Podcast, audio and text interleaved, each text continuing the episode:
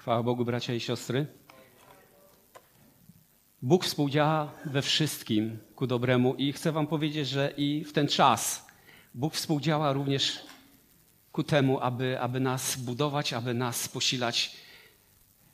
Nie umawiałem się z Natalią w żaden sposób na temat tego, o czym będę chciał dzisiaj mówić, a ona tak naprawdę wyczerpała, wyczerpała mój temat. I to w taki piękny sposób. Chcę Was prosić, bracia i siostry, abyście chwilę pochylili się, pomodlili. Potrzebuję, potrzebuję waszego, waszego wsparcia, potrzebuję Waszej modlitwy, aby Bóg postawił, postawił na ustach moich anioła, aby strzegł tego, co chcę Wam przekazać, co chcę mówić do siebie też. Ojcze Wszechmogący, dziękuję Tobie za to, że Ty pozwalasz stanąć przed Tobą, pozwalasz stanąć przed Twoim Kościołem. Pozwalasz w imieniu Jezusa Chrystusa budować się Słowem, które masz dla nas. Pozwalasz budować się jako bracia, budować się jako siostry, budować się jako społeczność, jako Kościół, jako ci, których wybrałeś, których ustanowiłeś swoimi dziećmi. Dziękuję Tobie, Ojcze, za to, że jesteśmy synami Twoimi i córkami i że możemy oczekiwać obietnicy Twojej, że możemy jej wyglądać z daleka. Chociaż dzisiaj często Często troski dnia codziennego przysłaniają nam te obietnice, przysłaniają nam tę radość, ale wiemy, że Ty jesteś blisko i że Ty prowadzisz i że Ty opiekujesz się nami. Ojcze, strzeż, strzeż tego, co mam powiedzieć, abym Boże przekazał to, co chcesz. To, czym chcesz nas zbudować dzisiaj. W imieniu Jezusa Chrystusa. Amen. Chcę dzielić się historią pewnego, pewnego człowieka, historią pewnego mężczyzny, który, powiem Wam, nie jest aż tak bardzo oczywisty w Nowym Testamencie, nie jest aż tak bardzo oczywisty, nie jest aż tak bardzo oczywisty w Nowym Testamencie. Jeżeli my myślimy o bohaterach Nowego Testamentu, kogo byśmy wymienili? Na pewno wymienilibyśmy Pawła, Piotra jako, jako tych apostołów, którzy napisali najwięcej listów. Oczywiście na pierwszym miejscu, na pierwszym miejscu pomyślelibyśmy o Jezusie Chrystusie, tak? Jako, jako osobie, o której, o której całe, całe pismo świadczy. Ale wymienilibyśmy imiona kolejnych, kolejnych apostołów? Kogo jeszcze byśmy wymienili? Tych, którzy, którzy zostali uzdrowieni? A ja chciałbym dzisiaj mówić o Tymoteuszu pewnym człowieku, gdy, gdy, zacząłem, o nim, gdy zacząłem o nim myśleć, gdy zacząłem o, czytać o nim informacje, to, to zauważyłem, jak można powiedzieć, cichym człowiekiem był, ale jak wiele zrobił, jak wiele, jak wiele, jak wiele uczynił. E, można powiedzieć, że jego historia zaczyna się w dziejach apostolskich w 14 rozdziale. Od wersetu pierwszego do 21 jest to dłuższa historia prześledzicie ją w domu, ja wyczytam z tej historii kilka fragmentów. Mianowicie czytamy tutaj, że apostoł Paweł e, i Barnaba przebywają w Ikonium, a w Ikonium weszli również do synagogi żydowskiej i przemawiali tak, iż uwierzyło wielkie mnóstwo Żydów i Greków. Lecz Żydzi, którzy nie uwierzyli, podjudzali i rozjątrzyli pogan przeciwko braciom. Później czytamy, że dowiedziawszy się o tym, uszli do miast likaońskich Listry i Derbe i okolicy i tam zwiastowali dobrą nowinę. I w Listrze był pewien człowiek, czytamy od ósmego wersetu, był pewien człowiek, który był chory na bezwład nóg, był on chromy od urodzenia i nigdy jeszcze nie chodził. I słuchał on przemawiającego Pawła, który utkwiwszy w nim wzrok, spostrzegłszy, że ma dość wiary, aby być uzdrowionym, odezwał się donośnym głosem: Stań prosto na nogach swoich. I zerwał się i chodził. Ten cud sprawił, że tłum, który to obserwował, co Paweł uczynił, zaczął wołać, mówiąc po likaońsku: Bogowie w ludzkiej postaci stąpili do nas zapanowała wielka euforia. Oto bogowie do nas wstąpili, oto uczynili wielki cud. Chromy zaczął chodzić. Chromy, który nigdy nie umiał chodzić. To jest niemożliwe, żeby człowiek, który nigdy, który nigdy nie chodził, nie miał rozbudowanych mięśni. Wiem, wiem, co to znaczy. Dlatego, że mój ojciec leżał, zanim, zanim zmarł, leżał prawie 20 lat na łóżku. On nie miał mięśni. I gdyby w pewnym momencie mu powiedzieć, wstań i chodź, z ludzkiego punktu widzenia to jest niemożliwe. Ten człowiek tutaj na słowo Boże, na słowo wypowiedziane przez apostoła Pawła, wstał i zaczął chodzić. Był chromy od urodzenia. Było to wielkie, sprawiło to wielkie poruszenie wśród ludu, który to obserwował tak, że zaczęli wołać, oto bogowie zstąpili, zaczęli przygotowywać się do złożenia ofiary. I o tym czytamy w następnych wersetach. Chcieli złożyć ofiary z Bogą, bóstwom. I Piotr, z Bar... E, przepraszam, Paweł z Barnabą e, siłą powstrzymywali lud, aby tego nie uczynili. W międzyczasie, w międzyczasie przyszli prześladowcy, żydowscy prześladowcy z poprzedniego miasta, z Ikonium, którzy podążali za, za, za apostołami przyszli i ten sam tłum, który właśnie chciał złożyć, złożyć ofiary i chciał uczcić bogów, którzy stąpili, podburzyli ten tłum i nagle, nagle ten tłum zmienia, zmienia, swoje, zmienia swoje nastawienie i co robi? Kamienuje Pawła. Tymczasem, i o, o, tym czytamy 19 werset, tymczasem nadeszli z Antiochii i z Ikonium Żydzi i namówiwszy tłum, ukamienowali Pawła i wywlekli go za miasto, sądząc, że umarł. Kiedy go jednak uczniowie obstąpili, wstał i wszedł do miasta. Nazajutrz zaś odszedł z Barnabą do Derbe. Zwiastując dobrą nowinę także temu miastu, pozyskali wielu uczniów i zawrócili do, do Listry, Ikonium i, Anto, i Antiochii. Była to pier, tak zwana pierwsza podróż apostoła Pawła, pierwsza misyjna e, podróż apostoła Pawła. Tu jeszcze nie mamy, tu jeszcze nie mamy e, do czynienia z Tymoteuszem, aczkolwiek on w tym czasie się pojawia historii Kościoła.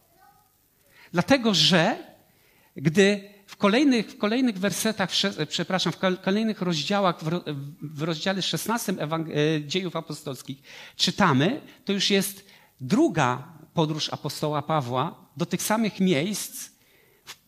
Apostoł Paweł miał, miał, miał za cel, aby zbudować, aby podnosić na duchu tych, którzy nawrócili się podczas jego pierwszej, podczas jego pierwszej wędrówki. I oto ponownie wraca apostoł Paweł do, list, do Listry, do Derbe i czytamy już tutaj, że dotarł też do Derbe i do Listry, a był tam pewien uczeń imieniem Tymoteusz, syn Żydówki, która była wierząca i ojca Greka. Bracia z Listry i Ikonium wystawili mu dobre świadectwo. I dalej czytamy, że Paweł chciał, aby ten udał się z nim w drogę, to, to też wziąwszy go, obrzezał ze względu na Żydów, którzy mieszkali w owych okolicach. Wszyscy bowiem wiedzieli, że jego ojciec był Grekiem. A gdy przechodzili przez miasta, przekazywali im postanowienia powzięte przez apostołów i starszych w Jerozolimie, aby je zachowywali. To jest troszeczkę napomniane do tego tak zwanego soboru w Jerozolimie, który w międzyczasie się odbył, a dotyczącego tych, którzy z pogan nawracają się do Jezusa Chrystusa. To jest inna historia na inny temat. Ale widzimy, że apostoł Paweł, gdy po raz drugi przybywa do tego samego miejsca, już w tym miejscu znany jest i szanowany jest Tymoteusz. O którym, o którym bracia i siostry wystawiają bardzo dobre świadectwo. Paweł postanawia go wziąć ze sobą. I wiemy, że ten to Tymoteusz towarzyszy Pawłowi przez całą, przez całą wędrówkę. Przez całą tą, przez całą tą drogę. Ze względu, ze względu na Żydów, którzy, do, do, których, do których również się udaje, bo Paweł, Paweł swoim zwyczajem wstępował bardzo często do synagog i od synagog rozpoczynał, rozpoczynał zwiastowanie Ewangelii. Później szedł do pogan. I że ze względu na to właśnie, jako że ojciec Tymoteusza był Grekiem, a matka, jak i babka były Żydówkami, postanowił, postanowił obrzezać Tymoteusza. I gdy tak, gdy tak patrzyłem, jak, jak rozwija się, jak rozwija się Tymoteusz, kiedy apostoł Paweł powierza mu, powierza mu kolejne zadania. W dziejach apostolskich o tym możemy czytać, że może najpierw jeszcze inna historia. Dwa tygodnie temu tutaj brat Wiesław mówił o tym, jak to Abraham. Wtedy jeszcze Abram wychodził, wychodził z Ur Chaldejskiego na słowo Pana. Zostawił, zostawił to życie, które miał, które znał, w którym się dobrze czuł. Tak samo i Tymoteusz. Tutaj zostawia życie, które znał, zostawia życie, w którym się dobrze czuł i idzie za Pawłem. Idzie za Pawłem. Udaje się w tą drogę. Chociaż popatrzcie, że widział, co się wydarzyło kilka lat wcześniej. W zależności od datowania, może, może jest to pięć, może jest to, no, powiedzmy, około pięciu lat wcześniej, kiedy, kiedy apostoł Paweł był po raz pierwszy w tych, w tych miastach. Wiedział, co się wydarzyło w tamtym czasie, że droga, w którą wyrusza, nie będzie drogą prostą, łatwą i przyjemną. Że w drodze tej może się liczyć z różnego rodzaju doświadczeniami, nawet z takimi, z takimi jak to, ukamienowanie. Kiedy euforia, euforia wynikła z cudu, zamieniła się, zamieniła się w co? Zamieniła się w morderstwo, ukamienowanie. Dzięki łasce Bożej Paweł przeżył to kamienowanie. Zobaczcie, został tam zostawiony, myślano, że nie żyje. To nie jest tak, że wiecie, rzucono kilka kamieni, wywleczono go poza miasto, zostawiono takiego, takiego fajnego w, taki, w takim dobrym stanie. Nie. Jego wywleczono za to miasto, sądząc i porzucono, sądząc, że on nie żyje. I ten to Tymoteusz, jestem przekonany, że ta historia była żywa w tym mieście. Ten to Tymoteusz nie boi się, ale idzie. Idzie z Pawłem. Apostoł Paweł daje, daje o, o Tymoteuszu niesamowite świadectwo. O tym później jeszcze będę chciał przeczytać. Ale e, widzimy, że widzimy, że towarzyszy, towarzyszy później e, apostołowi Pawłowi w drodze, w drodze do Aten. E, można powiedzieć, że apostoł Paweł na tyle mu ufa, tak jak, tak jak, tak jak e, Jan został, został, został posłany przed Jezusem, aby przygotować, przygotować drogę dla Jezusa. Taki apostoł Paweł wysyła Tymoteusza, aby ten przygotowywał jego drogę, chociaż, chociażby, do, chociażby do Berei czy do, do, do, do Tesaloniki. E... I po pewnym czasie, po pewnym czasie widząc, co się dzieje, co się, co się dzieje w tych nowo powstałych zborach, jak również zdając sobie sprawę z tego, co ma się wydarzyć, apostoł Paweł dostaje, dostaje informację o tym, że, że e, udając się do, do Jerozolimy, zostanie tam uwięziony. Jak również słysząc o, o pewnego rodzaju problemach, które powstają w Efezie, postanawia, postanawia posłać tam Tymoteusza, aby ten to Tymoteusz zaopiekował się zborem w Efezie.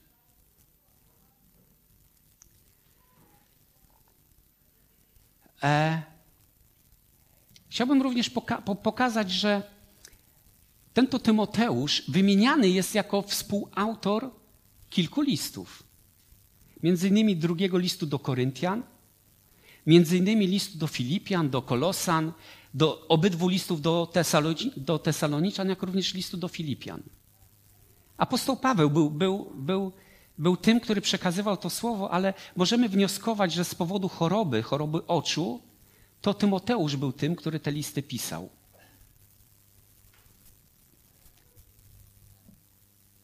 I właśnie w, tym, właśnie w liście do, do e, prze, przepraszam, ja powiedziałem liście do Filipia? Do Filemona. I właśnie w tym liście do Filemona e, apostoł, apostoł Paweł wygłasza takie oto słowo. Filemona, e, przepraszam, teraz list do Filipian. Drugi rozdział, 19-23 werset. Nie mam nikogo takiego jak on. Nie mam nikogo takiego jak on.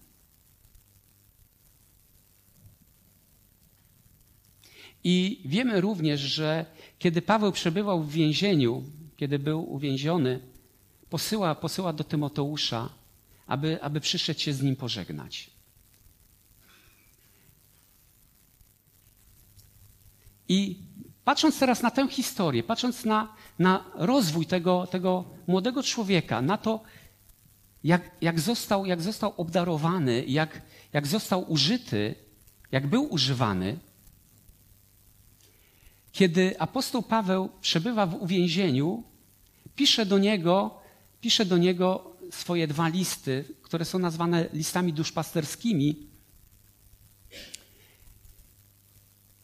Ale w tych to listach, w drugim liście, i to jest słowo, słowo które, które wierzę, że Bóg kieruje do mnie.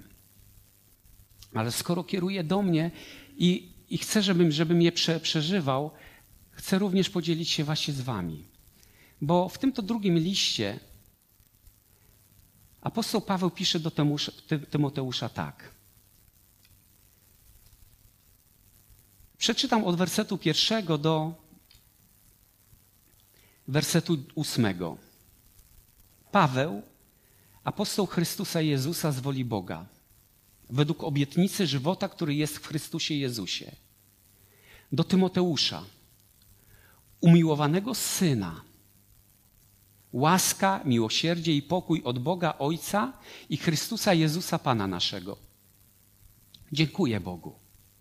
Każdemu, e, dziękując Bogu, każdemu, z czyst, e, któremu z czystym sumieniem służę, tak jak przodkowie moi, gdy nieustannie Ciebie wspomina w modlitwach moich we dnie i w nocy.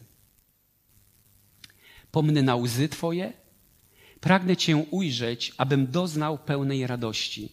To jest właśnie mowa o tym, że apostoł Paweł spodziewa się, spodziewa się, że jego dni się kończą na tym świecie. Przywodzę sobie na pamięć nieobudną wiarę Twoją, która była zadomowiona w babce Twojej Iloidzie i matce Twojej Eunice, a pewien jestem że też, a pewien jestem, że i w Tobie żyje. Kolejne, kolejne osoby, które, które wspomina. Matka, babka. E, z listów do Tymoteusza wiemy, że to dzięki nim Tymoteusz był zaznajomiony z drogą, e, był zaznajomiony ze Słowem Bożym. W jednym z listów do Tymoteusza czytamy, a od dzieciństwa znasz Słowo Boże. Od dzieciństwa znasz Słowo Boże. To właśnie dzięki nim. Ojciec był Grekiem, jak już wcześniej było wspomniane, ale dzięki nim. Jest to, jest to niesamowita, niesamowita odpowiedzialność, jaką mamy my, rodzice, wobec naszych dzieci. Aby od dzieciństwa przekazywać naszym dzieciom Boże Słowo, aby zakorzeniać w naszych dzieciach Boże Słowo. Bo ono w pewnym momencie wyda, wyda owoc. Nie wiemy kiedy, ale ja wiem, że ono wyda owoc. I teraz do tego, do tego Tymoteusza z więzienia apostoł Paweł pisze takie słowo. Z tego też powodu przypominam ci, abyś rozniecił na nowo dar łaski Bożej, którego udzieliłem ci przez włożenie rąk moich. Albowiem nie dał nam Bóg ducha bojaźni, lecz mocy, miłości i powściągliwości. Nie wstydź się więc świadectwa o Panu naszym, ani mnie, więźnia Jego, ale cierp wespół ze mną dla Ewangelii, wsparty mocą Boga. To samo słowo chciałbym przeczytać z innego tłumaczenia. Bardzo mi się spodobało, gdy, gdy, gdy, gdy zacząłem je czytać. Jest to tłumaczenie, tłumaczenie Nowego Testamentu z tak zwanej perspektywy żydowskiej. I tam możemy przeczytać coś takiego, że z tej przyczyny przypominam Ci, abyś rozniecił płomień daru Bożego, jaki otrzymałeś za pośrednictwem mojej smichy, bo Bóg nie dał nam ducha, który rodzi bojaźń, ale moc, miłość i opanowanie. Nie wstydź się zatem składać świadectwo o naszym Panu ani o mnie, Jego więźniu. Przeciwnie, przyjmuj swój udział w znoszeniu pohańbienia ze względu na dobrą nowinę. Bóg da ci siłę do tego. Smicha, o której jest tutaj mowa, jest to nic innego jak włożenie rąk. Ale smicha tradycji rabinistycznej miała niesamowite znaczenie. Niedawno, niedawno z żoną oglądaliśmy taki serial e, o, o, o ortodoksyjnych Żydach. Sztisel się nazywa. Bardzo ciekawy. I tam między, między innymi właśnie, właśnie też, też to się pojawia. Dlatego, że, że, że to nałożenie rąk według prawa rabinistycznego było niczym innym jak przekazaniem władzy sądowniczej. W jakim sensie? Mianowicie takim, że od tej pory ten człowiek, na którego ręce zostały na nałożone, miał prawo wykładać Torę, miał prawo ją tłumaczyć.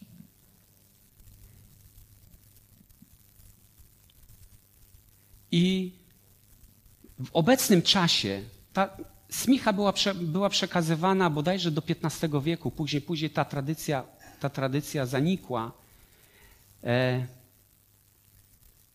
ta tradycja, tak troszeczkę tylko, jak gdyby Żydzi chcą ją odbudować, tą, tą tradycję. Na, nawet, nawet powołano jednego z rabinów, na którego w ten, sposób, w ten sposób ręce nałożono, ale można powiedzieć, jak gdyby niezależnie od tego, e, obecnie, obecnie ta, ta smicha oznacza nic innego jak pewnego rodzaju certyfikat albo świadectwo e, tego, że rabin nabywa kompetencje, kompetencje właśnie do wykładania tory. E, jest również certyfikatem tak zwanego egzaminu z halachy, czyli, czyli z, pewnego, z całej historii wykładni tory.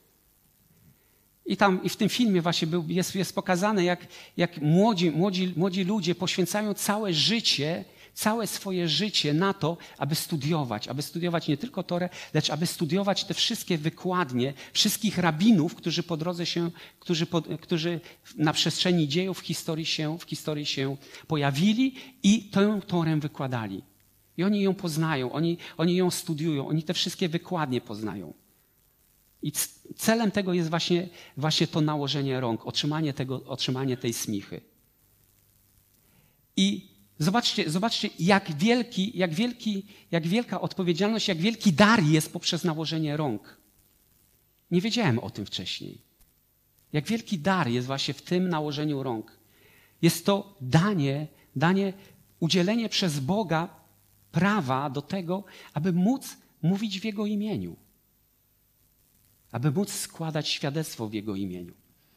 I teraz, mając, mając na myśli, mając w pamięci to, to życie, jakie, jakie, w, jakim, jakim, w jakim wzrastał, to świadectwo, jakie otrzymał Tymoteusz, zobaczmy, że do niego apostoł Paweł zwraca się w ten oto sposób. Przypominam ci, abyś rozniecił na nowo dar łaski Bożej, który otrzymałeś przez włożenie rąk. Abyś nie wstydził się świadectwa Ewangelii, świadectwa o Jezusie Chrystusie, jak również świadectwa o mnie. Nie bój się, cierp razem ze mną, a Bóg da nam siłę. Nie wstydź się świadectwa. Rozpal na nowo ten dar. I ja lubię, lubię, lubię patrzeć, w jakim kontekście dane słowa występują. Niestety to słowo występuje tylko raz w tym miejscu, w takim układzie. Słowo, które mówi rozpal na nowo tutaj, można, składa się z takich trzech członów. Pierwszy człon, który, który, który pojawia się jak przedro, jako przedrostek i oznacza zwielokrotnienie, intensywność tego, o czym będziemy mówić dalej. Drugi człon oznacza żywo, e, żywą istotę, zwierzę, a nawet bestię. Bardzo często to drugi człon tego słowa, który jest użyte, zun, jest, jest użyte, użyte w objawieniu Jana do opisania bestii. I trzeci człon oznacza ogień, ognisty, błyskawicę. Niesamowite połączenie. Roznieć na nowo ten ogień, który otrzymałeś. Ogień Ducha Świętego. Roznieć na nowo. Niech ten ogień zapłonie jak bestia. wiecie, aż, aż gdy, gdy, gdy, gdy to mówię, to po prostu takie, takie ciarki, bo to słowo bestia, bestia kojarzy nam się nie, niezbyt dobrze, ale tu w tym miejscu właśnie mówi o tym, rozpal ten płomień, ten ogień, jak bestię, która pożera. Płomień, którego nie da rady się, nie da rady zatrzymać, płomień, którego nie da rady ugasić. Zwielokrotnienie to, to poprzednie słowo, które mówi, mówi o jak gdyby nasyceniu, na, pewnego rodzaju natężeniu tego, co ma się wydarzyć, natężeniu tego, tego ognia. Pozwól, aby ten płomień rozpalił się w tobie tak, że nie jesteś w stanie nad nim, jego kontrolować. Że nie jesteś w stanie nad nim zapanować. O tym troszeczkę w czwartek mogliśmy słyszeć, tak? Aby połączyć, aby połączyć naszą wiedzę z emocjami, z tym, co, czujemy, żeby to nie było, żeby nasza wiara nie opierała się tylko i wyłącznie na, na, na, na, na pojmowaniu umysłowym. Ducha nie gaście, apostoł Paweł mówi, tak? Nie zasmucajcie Ducha Świętego w swoim życiu, ale pozwólcie Mu działać. Pozwólcie Mu działać. Rozpalcie, roznieście. Taki płomień potrzebuje paliwa. Próbowałem, próbowałem znaleźć, znaleźć, znaleźć jak gdyby rozwiązanie dla tego, co, spra- co, co, co zrobić, aby ten płomień płonął. Każdy z nas musi znaleźć tę odpowiedź. Ja wiem, że Bóg do mnie mówi, abym też rozniecił ten ogień na nowo w swoim życiu. To Bóg do mnie mówi, abym go rozniecił. Będę chciał prosić, prosić pastora, będę chciał prosić was, abyście modlili się o mnie na, po, po mojej usłudze, jeżeli znajdzie się jakaś osoba, która będzie chciała modlić się w ten sam sposób, będzie na to czas, wierzę, wierzę w to, że pastor, starsi zboru będą chcieli nałożyć ręce swoje, aby rozniecić, aby, aby dać świadectwo tego pragnienia. Ja chcę, aby ten płomień płonął. Płomień, którego nie da rady ugasić. Chcę, żeby ten płomień we mnie płonął. Niezależnie od tego, co do tej pory robiłem, niezależnie od tego, w jaki sposób służyłem. Ale Bóg mówi do nas, przemawia do nas, abyśmy rozniecili na nowo ten płomień. I wierzę w to, że jest to dobry czas, kiedy po takim długim okresie przebywania w domach, kiedy się w, wie, w wielu przypadkach nie widzieliśmy, jest to dobry czas, dobry początek aby stanąć przed Bogiem i zawołać: Tak, potrzebuję Twojego płomienia, potrzebuję Twojego ognia, potrzebuję, aby mnie strawił, potrzebuję, aby mnie spalił, potrzebuję, aby wypalił w moim życiu to, co jest niepotrzebne, to, co jest plewą. Potrzebuję, aby wypalił z mojego życia to, co nie nadaje się do Królestwa Bożego. Lecz aby zostawił to, co jest drogocenne złoto, srebro drogie kamienie. Wiemy, że apostoł Paweł nie wstydził się Ewangelii. Ta historia, która mówi o ukamienowaniu, to jest jedna z wielu, która się wydarzyła w życiu apostoła Pawła. I apostoł Paweł w liście do Rzymian, pierwszy rozdział, 16-17 werset pisze, albowiem ja nie wstydzę się Ewangelii Chrystusowej, jest ona bowiem mocą Bożą ku zbawieniu każdemu, kto wierzy, najpierw Żyda, potem Greka. Bo usprawiedliwienie Boże w niej bywa objawione z wiary w wiarę, jak napisano, a sprawiedliwy z wiary żyć będzie. I znowuż przytoczę tutaj to, to e, żydowskie tłumaczenie, bo nie wstydzę się dobrej nowiny, jest ona bowiem potężnym Bożym narzędziem niesienia zbawienia każdemu, kto wytrwale ufa, szczególnie Żydowi, ale w równym stopniu nie Żydowi. Bo w niej objawiona bo w niej objawiono, w jaki sposób Bóg czyni ludzi sprawiedliwymi w swoich oczach. Od początku zaś do końca dzieje się to przez ufność. Jak to ujmuje Tanach, lecz człowiek sprawiedliwy żył będzie przez ufanie. Apostoł Paweł nie wstydził się Ewangelii, chociaż wiedział, że niesie ze sobą ona cierpienie, niesie ze sobą ona krzyż. I Pan Jezus ostrzega. Ostrzega również o tym. I to jest Ewangelia Marka 8, 34, 35 i dalej 38. Ewangelia Marka 8, 34, 35. A przywoławszy lud wraz z uczniami swoimi, rzekł im: Jeśli kto chce pójść za mną, niech się zaprze samego siebie i weźmie krzyż swój i naśladuje mnie. Bo kto by chciał duszę swoją zachować, utraci ją, a kto by utracił duszę swoją dla mnie i dla Ewangelii, zachowa ją. Kto bowiem wstydzi się mnie i słów moich przed tym cudzołożnym i grzesznym rodem, tego i Syn Człowieczy wstydzić się będzie, gdy przyjdzie w chwale Ojca swego z aniołami świętymi. Jest to poważne, poważne Boże ostrzeżenie. Apostoł Paweł mówił o sobie: Ja nie wstydzę się Ewangelii Chrystusowej. I mówię Tobie, Tymoteuszu, Ty nie wstydź się. Nie wstydź się Ewangelii, nie wstydź się świadectwa, które masz, nie wstydź się mnie jako więźnia, nie wstydź się Chrystusa.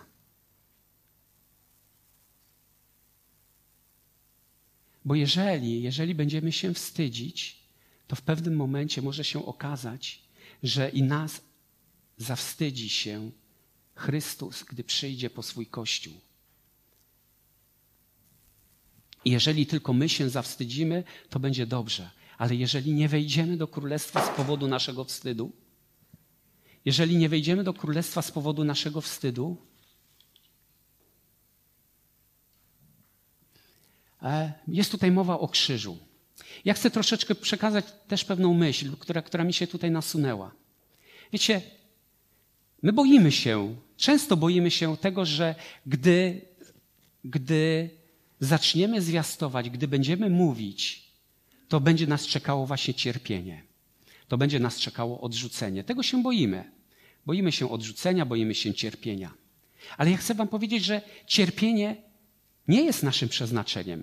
Ono towarzyszy ono towarzyszy w naszym życiu, dlatego, dlatego że ten świat nie chce przyjąć Ewangelii, Ewangelii zbawienia. Ewangelii, która mówi: przyjmij mnie jako ofiarę, przyjmij mnie jako ofiarę za Twój grzech, ale nie po to, żebyś żył nadal w swoim grzechu, lecz abyś żył już nowym życiem. Życiem pełnym chwały Bożej. Życiem, które świadczy o tym, że Bóg daje siłę do pokonywania słabości i że nasza sprawiedliwość nie jest sprawiedliwością, sprawiedliwością naszych uczynków, ale nasza sprawiedliwość wynika z tego, że zostaliśmy oczyszczeni krwią Jezusa Chrystusa. I świat nie przyjmuje tego. Świat lubi bohaterów, którzy, którzy czynią różne dobre rzeczy. Gdybyśmy, gdybyśmy robili dobre rzeczy własnymi siłami i nie mówili o Jezusie, to by nas szanowano. O, jaki fajny społecznik, nie wiem, ten, który się udziela, który czyni dobrze. Ale gdy tylko, zobaczcie, gdy tylko, gdy tylko otwieramy usta i mówimy, nie, to nie moja siła, ale to dzięki Bogu, dzięki Jezusowi Chrystusowi, gdy zaczynamy składać świadectwo, że to nie my, ale to Jezus Chrystus działa w nas i przez nas, i to właśnie ze względu na Jezusa Chrystusa czynimy to, co czynimy, wtedy zaczynają się problemy. Wtedy mogą zacząć się problemy. Chcę, chcę żebyście. Niedawno, niedawno sobie uświadomiłem, że popatrzcie, Jezus Chrystus Bał się tego cierpienia, które miał przyjąć na krzyżu Golgoty. Wiedział, czym jest krzyż, że jest cierpieniem, że jest bólem, że jest śmiercią. Tamci ludzie w tamtych czasach widzieli, co to jest krzyż, że, że jest to narzędzie śmierci. I gdy Jezus był w ogrodzie Getsemane, on modlił się do Ojca. Jeżeli jest taka możliwość, niech ten krzyż mnie ominie. Ja nie chcę go. Ja wiem, że, on, że to jest cierpienie ale niech Twoja wola się wypełni w moim życiu. Niech tak się stanie, jeżeli jest to Twoją wolą. To nie jest tak, że my jako ludzie wierzący mamy poszukiwać cierpienia za wszelką cenę w naszym życiu. Nie, Bóg nie chce dla nas cierpienia. Ten świat chce, abyśmy cierpieli. Bóg nie chce naszego cierpienia, to ten świat sprawia cierpienie, dlatego że odrzuca Ewangelię dlatego że odrzuca Boga. I e, tylko jeden fragment jeszcze, jeszcze, jeszcze przeczytam, żeby nie powiedzieć za dużo. I żeby, żeby, żeby tutaj wypełnić też to, co Dawid prosił. E, w liście Piotra czytamy takie słowo. W pierwszym liście Piotra 4, 12, 16 czytamy takie słowo. E, pierwszy list Piotra, powiedziałem to, tak?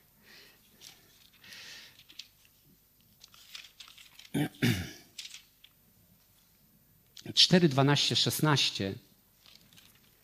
Czytamy takie słowo. Najmilsi, nie dziwcie się, jakby was coś niezwykłego spotykało, gdy was pali ogień, który służy doświadczeniu waszemu. Ale w tej mierze, jak jesteście uczestnikami cierpień Chrystusowych, radujcie się, abyście i podczas objawienia chwały Jego radowali się i weselili. Błogosławieni jesteście, jeśli was znieważają dla imienia Chrystusowego, gdyż Duch chwały, Duch Boży spoczywa na was. I teraz to przestroga, którą daje nam apostoł Piotr. A niech nikt z was nie cierpi jako zabójca, albo złodziej, albo złoczyńca, albo jako człowiek, który się wtrąca do cudzych spraw. Wszakże jeśli cierpi jako chrześcijanin, niech tego nie uważa za hańbę, niech raczej tym imieniem wielbi Boga. Nadszedł bowiem czas, aby się rozpoczął sąd od domu Bożego, a jeśli zaczyna się od nas, to jakiś koniec czeka tych, którzy nie wierzą Ewangelii Bożej. Można powiedzieć, że są dwa rodzaje cierpień. Jedno cierpienie wynikające z tego, że po prostu wkładamy palce między futrynę a drzwi, wtrącamy się do cudzych spraw.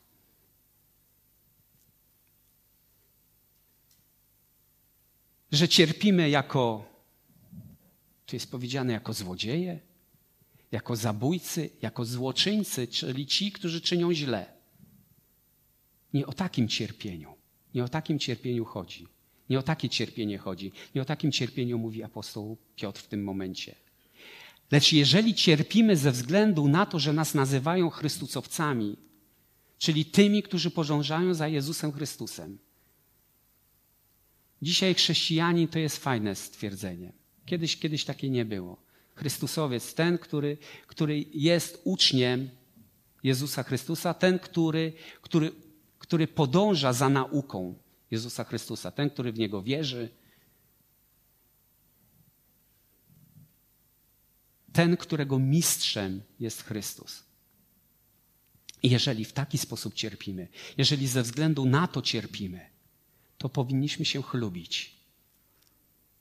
Powinniśmy się tym chlubić według, i to też jest ciekawe, według miary cierpień.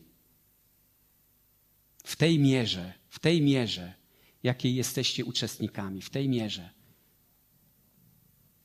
Różna może to być miara dla każdego z nas. Każdy z nas jest indywidualny przed Bogiem, każdego z nas Bóg zna po imieniu. Nie da nam nic, co by wykraczało ponad siły nasze. Ale tak jak napisał, tak jak napisał Paweł w liście do Tymoteusza, Bóg da i siłę w cierpieniu. Bóg daje siłę w doświadczeniu. Bóg daje siłę w świadectwie, którym jesteśmy. Świadectwo nasze to nie jest tylko i wyłącznie słowo, które mówimy. Świadectwo nasze to jest całe nasze życie. To jest znowuż, znowuż wspomnienie tego, co, co brat Wiesław tutaj mówił. To świadectwo właśnie, właśnie Abrahama, który wychodził, czy Dawida. To nie jest tak, że w ich życiu było zawsze, zawsze pięknie. To nie jest tak, że oni nie popełniali błędów. Można powiedzieć, że Abraham podwójnie zrobił nawet ten sam błąd, tak? Mówiąc o swojej żonie, że, że, że nie jest jego żoną, bo bał się konsekwencji. Można powiedzieć, raz popełnić błąd, no to jeszcze można wybaczyć, ale drugi raz to samo czynić. A dzisiaj są dla nas świadectwem, dzisiaj są dla nas wzorami wytrwałości, są dla nas wzorami wiary. Nie dlatego, że w pewnym fragmencie, w pewnym ułamku swojego życia upadli, ale dlatego, że całe ich życie było świadectwem tego, że nawet jeśli upadłem, to Bóg dał mi siłę, aby powstać. To Bóg dał mi siłę, aby iść dalej. To Bóg dał mi siłę, aby nie zawrócić w tej drodze, w jaką wyszedłem, w jaką się udałem. Dlatego, że końcem tej drogi jest co? Jest nasze zbawienie. Jeżeli, jeżeli chciałbym, jeszcze, jeszcze tylko jedna myśl. Czego się wstydzimy?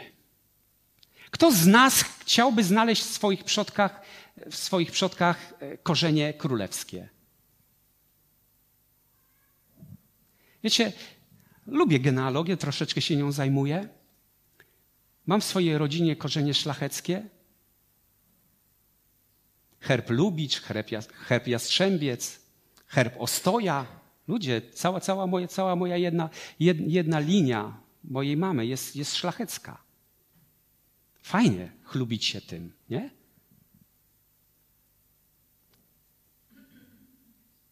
Ale popatrzcie, o, taka konsternacja. Dlaczego to mówię? Popatrzcie, kim jesteśmy w Jezusie Chrystusie. List Piotra, objawienia Jana mówi nam, że jesteśmy kim? Jesteśmy królewskim rodem. Nabytym krwią Jezusa Chrystusa. Usynowienie to ta adopcja, która nastąpiła w naszym życiu, sprawiła, że my jesteśmy synami, córkami. Kogo? Króla. Mamy w swoich, swoich genach królewskie geny. Czym się zatem, czym, czego się zatem wstydzić? Kto z nas, kto, albo inaczej, kto, kto z ludzi tego świata nie chciałby być królem? To nie jest tak, że my będziemy, że będziemy królować, że będziemy, będziemy panować w, ta, w takim kontekście, w kontekście jak królowie tego świata. Ale popatrzcie, mamy się czym chlubić. Zostaliśmy powołani przez króla królów i pana panów, aby w jego miejsce dzisiaj poselstwo sprawować, aby w jego miejsce dzisiaj być świadectwem, aby w jego miejsce dzisiaj nieść Ewangelię, aby w, w Jego miejsce dzisiaj, dzisiaj by, być świadectwem Bożej pomocy, Bożego uzdrowienia, Bożej łaski, Bożego podniesienia, tego wszystkiego, w czym upadamy, a w czym Bóg podnosi nas. Nie wstydźmy się, lecz pozwólmy, aby ten ogień Ducha Świętego zapłonął. I teraz myślę, że to jest właśnie ten dobry czas, aby jeszcze móc wstać, modlić się, aby jeszcze zaśpiewać pieśń. Niesamowita była ta pieśń mówiąca, mówiąca o zstępowaniu Ducha Świętego. Niech stąpi Duch Święty. Niech odnawia nasze życie, niech rozpala nasze życie. Powstańmy.